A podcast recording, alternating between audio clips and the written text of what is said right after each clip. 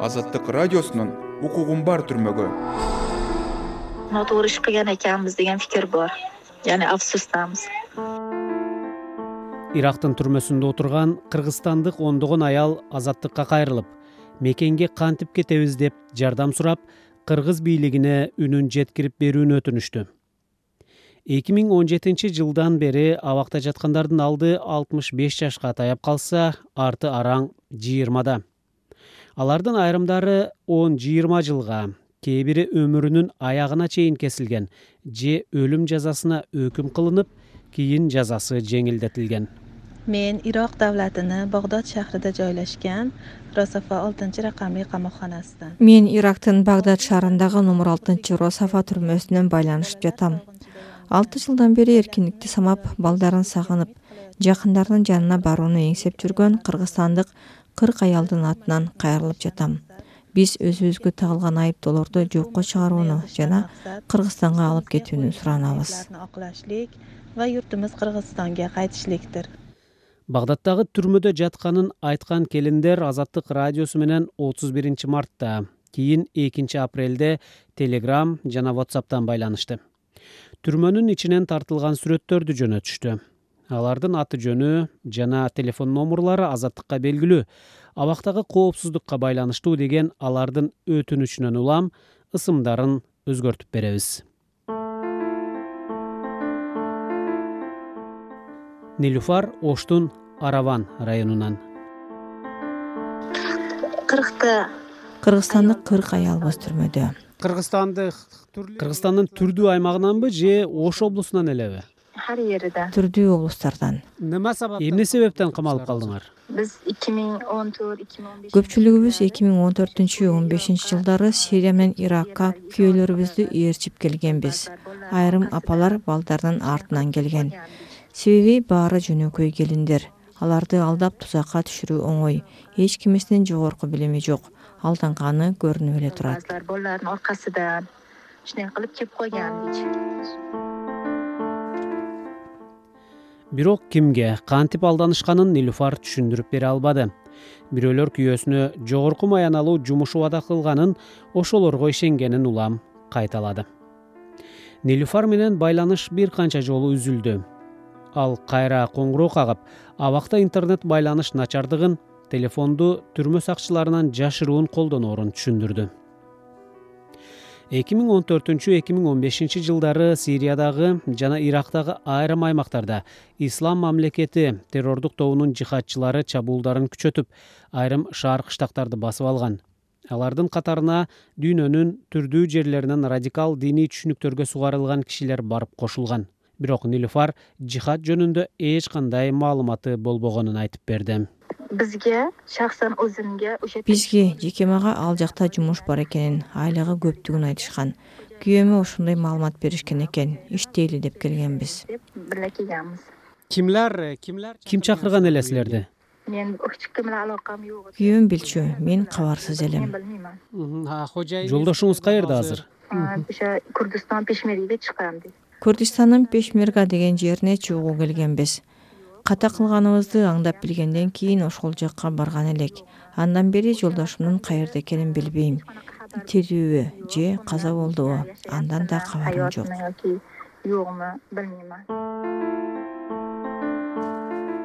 Нилуфар азыр жыйырма жети жашта. Согуш баскан сирияны көздөй күйөөсү менен аттанган кезде он сегиз гана жашта эле. Эки миң он жетинчи жыл август айында курдистан давлатыга чыктык эки миң он жетинчи жылы августта курдистан аймагына өттүк. Ал жактан бизди өз мекенибизге депортация кылууну өтүндүк. Алар бизди багдадка жөнөтүштү. Бизди ал жактагы күч кызматкерлери түрдүү документтерге кол койдурушту. Алардын тилин түшүнчү эмеспиз.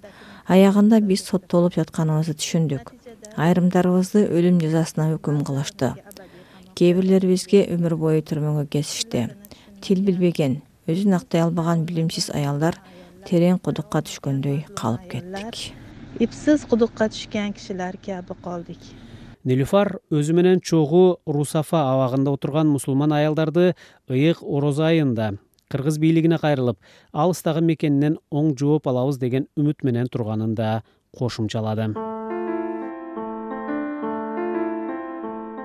masalan men shaxsan o'zim xohlayman bir o'qimishli bir мен жогорку билимдүү болууну каалаган элем бирок окуй алган эмесмин.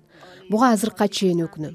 Окуу жайга тапшырып билим алчу күндү күтөм. Haligacha men masalan shu narsalarni kutamanda afsuslanaman ноокаттык фарида жакында отузга чыгат. Ал согушка жыйырма эки жашында күйөөсүн ээрчип келген. Ал ирактын аялдар түрмөсүндөгү шарт өтө начар экенин айтып ыйламсырады. Har bir xonada ellikta ар бир бөлмөдө бери дегенде элүү адам жашайт. Мурда балдарыбыз бар кезинде жүз жыйырмага чейин киши бир бөлмөдө болчу. Юнисеф компаниясы аркылуу бизге төшөнчө жана башка зарыл каражаттар берилет. Бирок акыркы жолу матрастарыбыз жана үстүбүзгө жамынган төшөнчүлөр эки жыл мурун берилген. Элүү кишиге бир мончо бар. Misol hammom ellik kishiga bitta адашканын кеч түшүнгөнүн аңдаган аялдардын эч кимиси өздөрүнө кандай айып коюлганын так билишпейт. Террорчулукка байланыштуу соттолгонун гана боолголошот террорго эч кандай тиешебиз жок. Биз күйөөлөрүбүзгө баш ийип гана келгенбиз. Балдарыбыз жетим болбосун деп гана аларды ээрчип келгенбиз. Террорчу болууну каалаган эмеспиз masalan башка аялдар жаныңыздагы аялдардын күйөөлөрү же өздөрү ал жака эмне үчүн баратканын билгенби же сиз сыяктуу алданганбыз дешеби? Туурасын айтсаңар. Va men билбейм. мен тааныган аялдардын баары алданып келген. bir ovozdan deymizki biz aldanib kelganmiz ирактагы түрмөдө телефон иштетүүгө уруксат берилбегендиктен бир чөнтөк телефонду ондогон аял чогуу катып колдонот. Кез кезде кыргызстандагы жакындары менен сүйлөшүп турушат. Кыз келиндер отурган түрмө багдадтын ар русафа районунда жайгашкан. Бул жерде негизинен диний радикализмге террорчулукка айыпталгандар отурушат. Berdim bu yerdagi har сизге айтып жаткан ар бир маалыматым чын. Бул жерде аялдар ыйлап таң атырышат алыстагы балдарын сагынышат. Баласын сагынуу эмне үчүн азап. Балдарыбыз кыргызстандагы апаларыбыздын колунда. Бул жерде дары дармек жетишсиз. Ооругандар көп. Бир адам ооруп калса дары сурап сакчыларга эки жумадай суранабыз. Дарт ооруп бир топ аял каза болду. Алар башка өлкөлөрдүн жарандары болчу. Кыргызстандыктардын арасында көз жумгандар жок. O'lgan ayollar ham bor yillarki kasal bo'lib o'lib o'lib ketgan ayollar ham фариданын айтымында түрмөдөгү он беш камерада беш жүздөн ашуун чет өлкөлүк аял камалган. Рейтерс агенттиги эки миң жыйырма биринчи жылдын он тогузунчу мартында багдадтын ар русафа районундагы абакта төрт жүз токсон төрт чет элдик аял отурганын жазган. Алар он сегиз мамлекеттин жарандары экени арасында борбор азиялыктар бар экени белгиленген. Keyin мисалы биз менен чогуу бойго жете элек кыздар да соттолгон. Бойго жете электе келгендер беш жылга чейин кесилген. Алардын экөө жаза мөөнөтү бүтүп былтыр кетишти кыргызстанга. Арабызда азыр жыйырма бир жыйырма эки жаштагы кыздар да бар. Айрымдар он беш жыйырма жылга кесилген. o'sha yigirma yigirma ikki yosh hozir yigirma ikki yosh yigirma bir yoshda ayol qizlar ham bor фарида алгач сирияга барганда тынч кыштактарда жашаганын согушту көрбөгөнүн аялдар үйдөн сыртка чыкпай балдары менен гана болгонун айтып берди. Күйөөлөрү эртең менен жумушка деп кетип кечинде келип жүргөнүн кошумчалады. Анын айтымында кыргызстандык кыз келиндердин арасында адегенде өлүм жазасына өкүм кылынып кийин жазасы жеңилдеп жыйырма жылга абакка кесилгендер да бар. Noto'g'ri ish qilgan ekanmiz degan fikr bor ya'ni afsusdamiz туура эмес кылган экенбиз. Өкүнүп отурабыз. Эркек болобу аял кишиби кандай гана иш жасабасын кандай кадам таштабасын адегенде жакшылап ойлонушсун. Oxirida nima bilan tugashligi haqida yaxshilab o'y- o'rganib chiqishligi kerak азаттыкка сүйлөп берген келиндердин сөзүн угуп отурсак түрмө сакчылары каалаган учурда камерага кирип келип текшерет. Кокус телефон табылса жазага тартат. Кандай жаза экенин айтышкан жок түрмөдөгүлөргө күнүнө эки саат таза абага чыкканга уруксат берилет. Бирок абактагы басып жүрчү жердин да үстү жабык болгондуктан дээрлик күндүн көзүн көрбөйбүз дешет. Буга чейин ирак же сириядагы кыргызстандык кыз келиндердин ата энелери туугандары бийликке кайрылып аларды мекенге алып келүүнү суранышкан. Алар аялдар ал жактарга өз эрки менен кетпегенин күйөөлөрүнө баш ийип гана чогуу аттанышканын билдиришкен ирак бийлиги эки миң он алтынчы эки миң он сегизинчи жылдары ислам мамлекети деп аталган радикал исламчыл топтун согушкерлерин өлкөдөн кууп чыккандан кийин жихадчыларды жана алардын катарындагы аялдарды камап катаал жазалаган. Арасында кыргызстандыктар да бар экени маалым болгон. Алар кыргыз мыйзамдарына ылайык оор кылмыш кылды деп эсептелет былтыр жыйырма жетинчи июлда кыргызстандын тышкы иштер министри жээнбек кулубаев ирактын жана сириянын түрмөлөрүндө отурган кыргызстандык эки жүздөй аялдын жана төрт жүздөй баланын тизмеси аныкталганын журналисттерге билдирген. Министр тизмени тактоо иши уланып жатканын эки өлкөнүн ар кайсы аймактардагы абактарында отургандар тууралуу маалымат алуу оор болгондуктан алардын чыныгы саны көбүрөөк болушу ыктымал экенин да кошумчалаган кулубаев кыргызстандык аялдар менен балдарды мекенине алып келүү боюнча сүйлөшүүлөр жүрүп жатканын бирок аларга чегерилген жазанын ооругун эске алганда бул иш татаал экенин белгилеген. эки миң жыйырма биринчи жылдын март айында кыргыз бийлиги мээрим гуманитардык миссиясынын алкагында ирактагы качкындар лагеринен жетимиш тогуз баланы кайтарып келген. Алардын отуз жетиси ирак сирия жана түркия өлкөлөрүндө төрөлгөн дагы он сегиз аял жана кырк бир бала быйыл он алтынчы февралда бишкекке жеткирилген. Азаттыкка багдадтагы түрмөдөн байланышка чыккандар ошол балдардын арасында алардын да чүрпөлөрү бар экенин бышыкташты терроризм жана коопсуздук боюнча эксперт женевада жайгашкан булан институтунун жетекчиси чолпон орозобекова бир канча жылдан бери ирактагы жана сириядагы чет элдиктердин жагдайын иликтеп жүрөт. Ал ушул тапта кыргызстандык кырк эки аял ирактагы түрмөдө экенин белгиледи. Ирак бийлиги башынан эле ошол эки жыл болуп калды. Кичинекей балдарды алып кетсеңер болот деп бүт мамлекеттерге билдирген өзүңүздөр билгендей ошо ирактын абактарында учурда энелери менен кошо жүздөгөн балдар кичинекей балдар дагы ошо э, камерада отурушат да. Анан кичирээк балдарды өткөрүп берип атат. Бирок чоңураак бир он бештен ашып кетсе он төрттөн жаштан ашып кетсе ирак бийлиги аларды өзүнчө соттоп койгон дагы учурлар бар да. Аларды чоң согушчан катары террордук топтун толук кандуу мүчөсү катары карап туруп эле айыптарды тагып соттоп койгон учурлар бар. Бирок азырынча бизде так маалымат жок. Кыргызстандан канча бир өспүрүм бала же чоңураак бала абакта жатат. Мисалы эркек эркек согушчандарга келгенде бизде толук маалымат жок. Бирок аялдар жана балдар боюнча маалыматтар бар. Менимче ошо ар бир мамлекет бара бара ошо ирак бийлиги менен сүйлөшүүлөрдү жүргүзүп келишимдерге кол коюп эми аракет алып келгенге аракет кылса болот да бирок учурда ошо жана айтып өткөндөй эң башкы маселе азыр ошо чөлдө чатырда жаткан сириянын территориясындагы аялдарды балдарды алып келиш керек болуп атат ушул ошону менен азыркы учурда биздин кыргыз бийлигинин өкмөтү дагы башка мамлекеттердин бийлиги дагы ушул маселе боюнча алек болуп атышат да.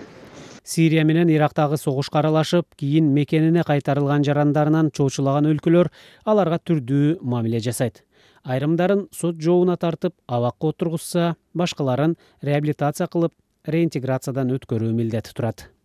Учурда ошо дүйнөлүк эл аралык коомчулуктун биринчи маселеси бул берки сириянын түндүк чыгыш сириянын аймагында кармалган игилдин мүчөлөрүнүн маселесин чече албай атат учурдачы эл аралык коомчулук себеби. Ал территорияда мамлекеттик бийлик жок. Ал жерде күрд аскерлери ошо кайтарып турушат анан аларды соттогонго дагы мамлекеттик бийлик жок. Аларды мындай бир кармап кандайдыр бир шарт түзүп түрмө болобу же лагерь болобу бир шарт менен бир кармап турганга дагы бир эч кандай ал жакта бир орган жок болуп атат да. Анан күрд аскерлери аларды аялдарды лагерьлерде чатырларда кармап атышат ошондуктан учурда бириккен улуттар уюмунун жана башка эл аралык коомчулуктун биринчи маселеси ошол мамлекеттик бийлик жок территорияда калып кеткен жарандарды өз мамлекеттерине кайтаруу маселеси учурда ошо интенсивдүү талкууланып атат. Э, ал жактагы эркектердики эркек э, согушчан болгон эркектер маселеси ал өзүнчө маселе аларды э, репатриация маселеси азырынча карале элек. Трибунал түзөбүз деп ушундай бир бир нече варианттар каралып атат. Бирок азырынча жыйынтык боло элек. Ал эми аялдарды жана балдарды репатриациялоо маселеси болсо абдан жай жүрүп атат. Мына кыргызстан бирок жакында элүү төрт аял менен баланы аялдарды жана балдарды алып келди э жакында демек ушул маселе чечилмейин ошо ирактагы аялдардын маселеси азырынча мындай ордунан козголо элек да.